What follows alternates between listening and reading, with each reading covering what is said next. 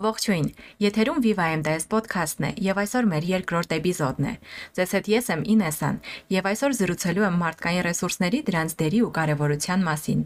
Իմ զրուցակիցը Viva MTS-ի ներքին հաղորդակցության ու զարգացման ավակ մասնագետ Կարմեն Մխիթարյանն է։ Ողջույն Կարմեն։ Ողջույն Ինեսա ջան, ինչպե՞ս ես։ Ես շատ լավ եմ, դու ինչպե՞ս ես։ Լավ եմ, շնորհակալ եմ։ Կարծում եմ շատերին իսկապես հետաքրքիր է թե ինչպես են կազմակերպվում մարդկային ռեսուրսների process-ները VivaMTS-ում եւ առհասարակ, եւ այսօր հետաքրքիր բացահայտումներ ես անելու։ Այո, իհարկե, սիրով։ Շատ լավ, սկսեցինք ու շատ շնորհակալ եմ, որ համաձայնվեցի լինել մեր հյուրը։ Քեզ եմ շնորհակալ հրավերի համար։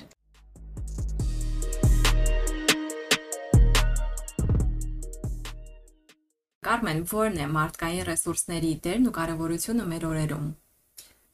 մարդկային ռեսուրսների դերը եւ գործառույթը տարիների ընթացքում շատ է փոփոխվել։ Եթե նախկինում կադրային ադմինիստրատիվ թղթաբանական գործառույթ էր ենթադրում, հետագայում նաեւ քաղաքականություններ մշակող գործառույթ, այժմ արդեն ստանձնել է բիզնես ռազմավարության կարևորագույն գործընկերոջ դերը։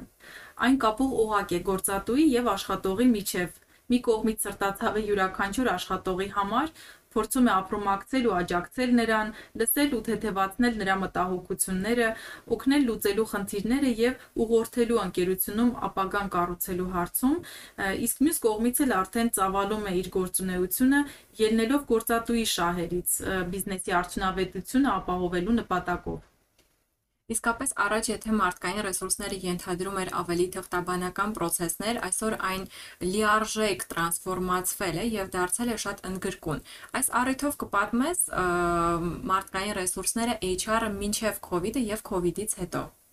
համավարակը այո իսկապես ցնցեց ամբողջ աշխարհը եւ մեզ բոլորիս մտածելու եւ աշխատելու նոր տարբերակների մոտեցրեց։ Մի քանի օրվա ընթացքում ընկերությունները ստիպված եղան էական փոփոխություններ իրականացնել նոր պայմաններին տրանսֆորմացվելու ուղղությամբ, որպեսզի կարողանան ապահովել իրենց բիզնես գործունեության շարունակականությունը եւ իհարկե արդյունավետությունը։ Եվ այս գործում ահռելի մեծ էր HR-ի դերը։ Ամբողջ աշխարհում HR-ը բախվեց այնպիսի մարտահրավերների, ինչպիսիք են հերավար աշխատանքի պայմաններում աշխատողների ներգրավվածությունը, աշխատողների պահպանումը, տաղանդների զարգացումը եւ այլն։ Այժմ տեսնում ենք, թե ինչպես են փոխվել HR միտումները ամենամեծ եւ ակնհայտ փոփոխությունը հերավար աշխատելու հնարավորությունն է։ Մինչ համավարակը շատ ընկերություններ թերահավատորեն էին մոտենում այդ գաղափարին։ Հասկանալի է, որ այս մոտեցումը կտրուկ փոխվեց 2020 թվականի ընթացքում։ Այնինչ նախկինում բացառիկ էր մի քանի համարցակ ընկերությունների համար, դարձավ արդեն իրականություն։ Շատ ընկերություններ սկսեցին նաև առաջնահերթություն տալ աշխատողների բարեկեցությանը։ Նշեմ, որ Viva MTS-ի համար աշխատողների բարեկեցությունը, well-being-ը միշտ էլ առաջնահերթություն է եղել եւ համավարակը եւս մեկ անգամ ապացուցեց, որ Viva MTS-ը առաջին հերթին հոգ է տանում իր աշխատողների առողջության եւ անվտանգության մասին։ Մեր ընկերությունը միշտ կարևորել է աշխատողների աշխատանք կյանք հավասարակշռությունը, այդ թվում ընտանիքին հնարավորինս շատ ժամանակ տրամադրելու հնարավորությունը։ Հաշվի առնելով, որ Vivan բավականին խիստ է, այսինքն գործում են ներքին կարգապահական օրենքներ, կանոններ, շատ հետաքրքիր է, ինչպիսին էր ընկերության արձագանքը այդ ռեժիմին, հա, remote կամ հիբրիդային ռեժիմին անցնելու հետ կապված, եւ ինչու եմ այս հարցը տալիս, որովհետեւ 15-16 տարիների ընթացքում ես գիտեմ, որ ընկերությունը նույնիսկ չէր կարող պատկերացնել, որ կանցնի մի օր այս ռեժիմին։ Հետաքրքիր է նաեւ լսել աշխատակիցների արձագանքը ինչպիսին էր։ Շատ ճիշտ նշեցիր Ինեսա ջան, իրականում Viva MTS-ը համավարակից առաջ նախատեսել էր փորձարկել հիբրիդային աշխատանքային մոդելը, սակայն ներքին գործընթացներով պայմանավորված մեկնարկը դեռ չէր տրվել, երբ արդեն համավարակի պատճառով հայտարարված արտակարգ դրության պայմաններում որոշում կայացվել, կայացվեց անցնել հեռավար աշխատանքային ռեժիմի աշխատանքի անվտանգության եւ առողջության պահպանման նպատակով մենք երկար ժամանակ աշխատեցինք հեռավար աշխատանքային ռեժիմով։ Հետո արդեն անցում կատարեցինք հիբրիդային ռեժիմի, ապահովելով աշխատանքի արդյունավետությունը եւ ճկունությունը հերավար աշխատանքը նշեմ, որ կազմակերպվում եւ իրականացվում էր ընկերությունում գործող ընթացակարգերին լիովին համահունչ, ինչը բոլորիս միասին եւ յուրաքանչյուրիս առանձին ներդրած ջանքերի արդյունքն էր։ Այժմ աշխատողները հնարավորություն ունեն ըստ անհրաժեշտության որոշակի օրեր աշխատել հեռավար, ինչպես նաև կախված աշխատանքի առանձնահատկությունից տրամադրվում են աշխատանքային գրաֆիկին վերաբերող տարբեր առավելություններ աշխատողների տարբեր խմբերի համար։ Ես ճիշտ ասած հիշեցի, երբ դեռ համավարակը չէր սկսվել, այսպես ասեկոսեներ էին շրջանառվում, որ Google-ը, Microsoft-ը բավականին մեծ քայլերով փորձում են առաջ մղել հիբրիդային ռեժիմի իրականացումը,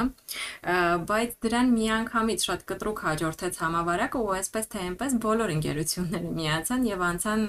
ոչ թե հիբրիդ, այլ remote ռեժիմի, հա, տանից աշխատանքի ռեժիմին։ Այո, 2020 թվականի մարտի սկզբին շատ ընկերություններ, որոնց թվում էին Google-ը, Microsoft-ը, այո, Twitter-ը, Square-ը, հայտարարեցին, որ աշխատակիցները անորոշ ժամանակով հեռավար կարգով աշխատելու հնարավորություն ունեն։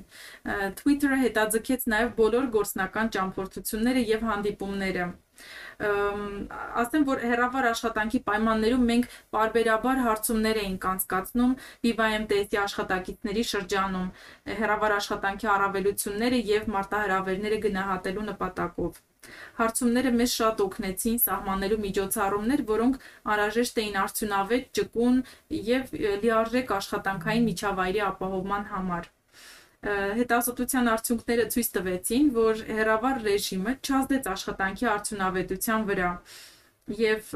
հերավար աշխատանքի առավելությունների շարքում առանձնացվել էին պաշտպանվածությունը վարակից եւ ճկուն աշխատանքային գրաֆիկի հնարավորությունը։ Zoom call-երը չեք կարոտում։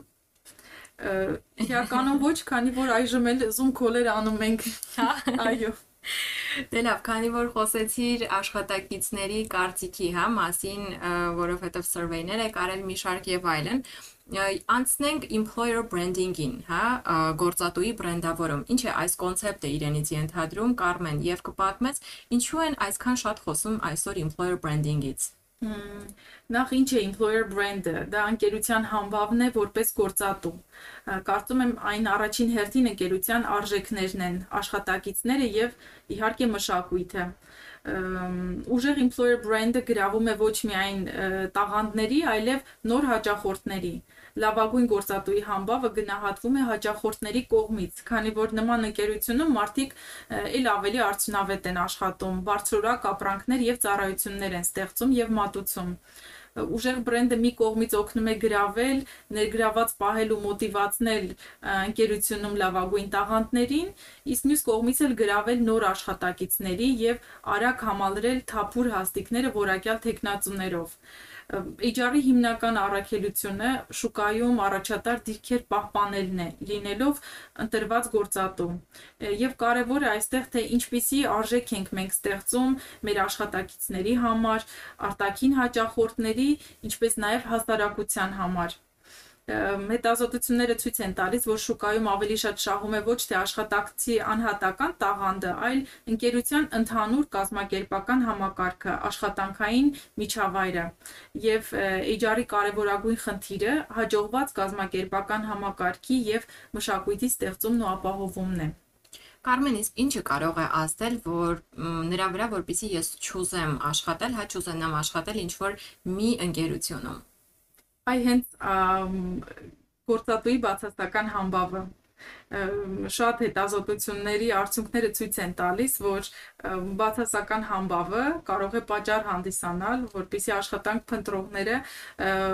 չուզեն աշխատել այդ ընկերությունում նույնիսկ բարձր աշխատավարձի դեպքում։ Կան այդպիսի հետազոտություններ։ Այդպիսի հետազոտություններից կարող եմ նշել մարդկային ռեսուրսների ծառայություններ մատուցող համաշխարհային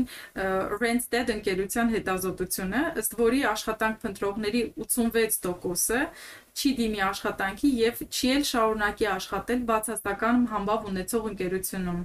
մեկ այլ հետազոտության նույնիսկ եթե աշխատավարձը բարձր է։ Այո, այո, հենց մեկ այլ հետազոտության համաձայն էլ 50% աշխատանք փնտրողների նշում են, որ նույնիսկ բարձր աշխատավարձի դեպքում չեն աշխատի վատ համբավ ունեցող ընկերությունում։ Հետաքրքիր է շատ։ Ես կարծում եմ Vivan ոչ մեկի մեջ չի գտնվում, որովհետև բավականին բարձր համբավ ունի եւ այդ առիթով ուզում եմ որ դու մի փոքր պատմես թե ինչ առավելություն է ստանում Viva MTS-ի աշխատակիցը։ Նախ նշեմ, որ վերջերս Viva MTS-ը Stavketm-ում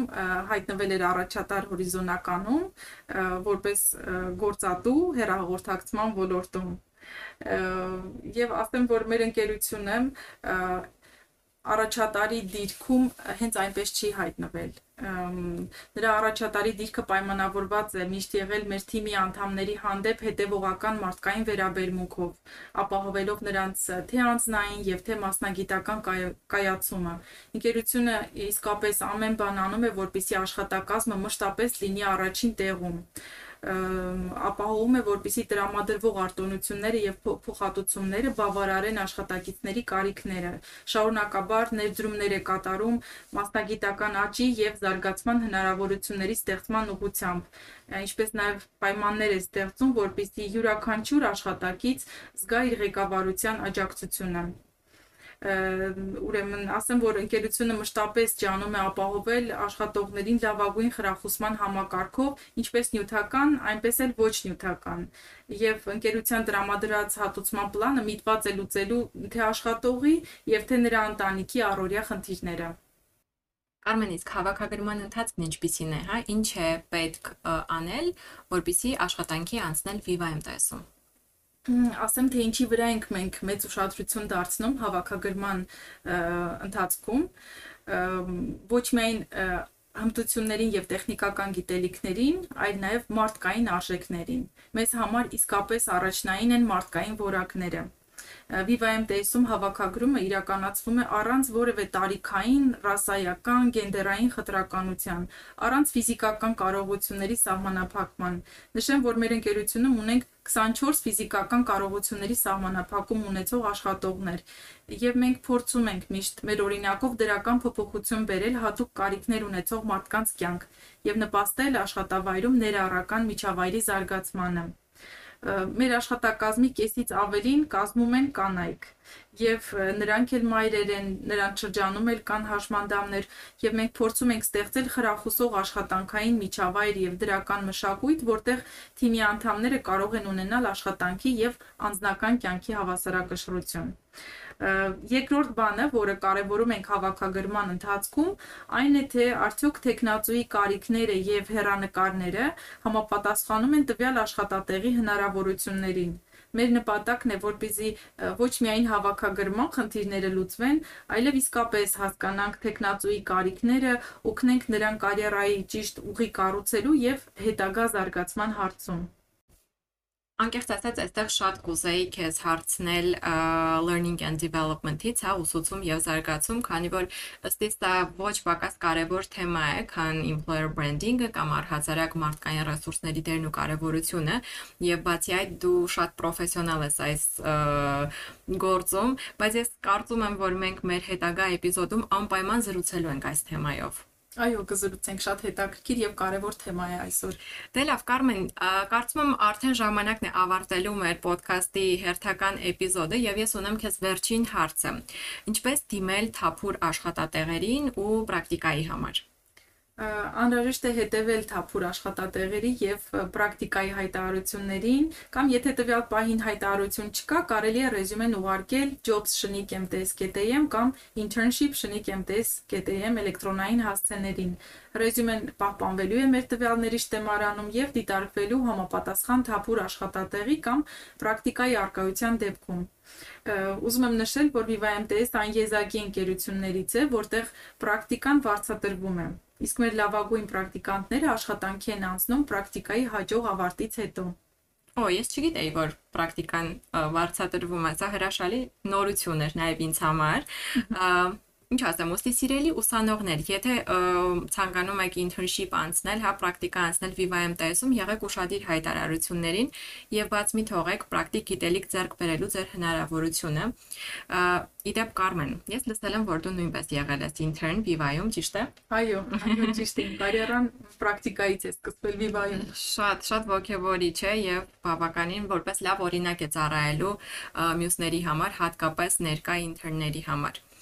Կարմեն ջան, ինչ ասեմ, շատ շնորհակալ եմ շատ բովանդակալից ու հետաքրքիր զրույցի համար քեզ։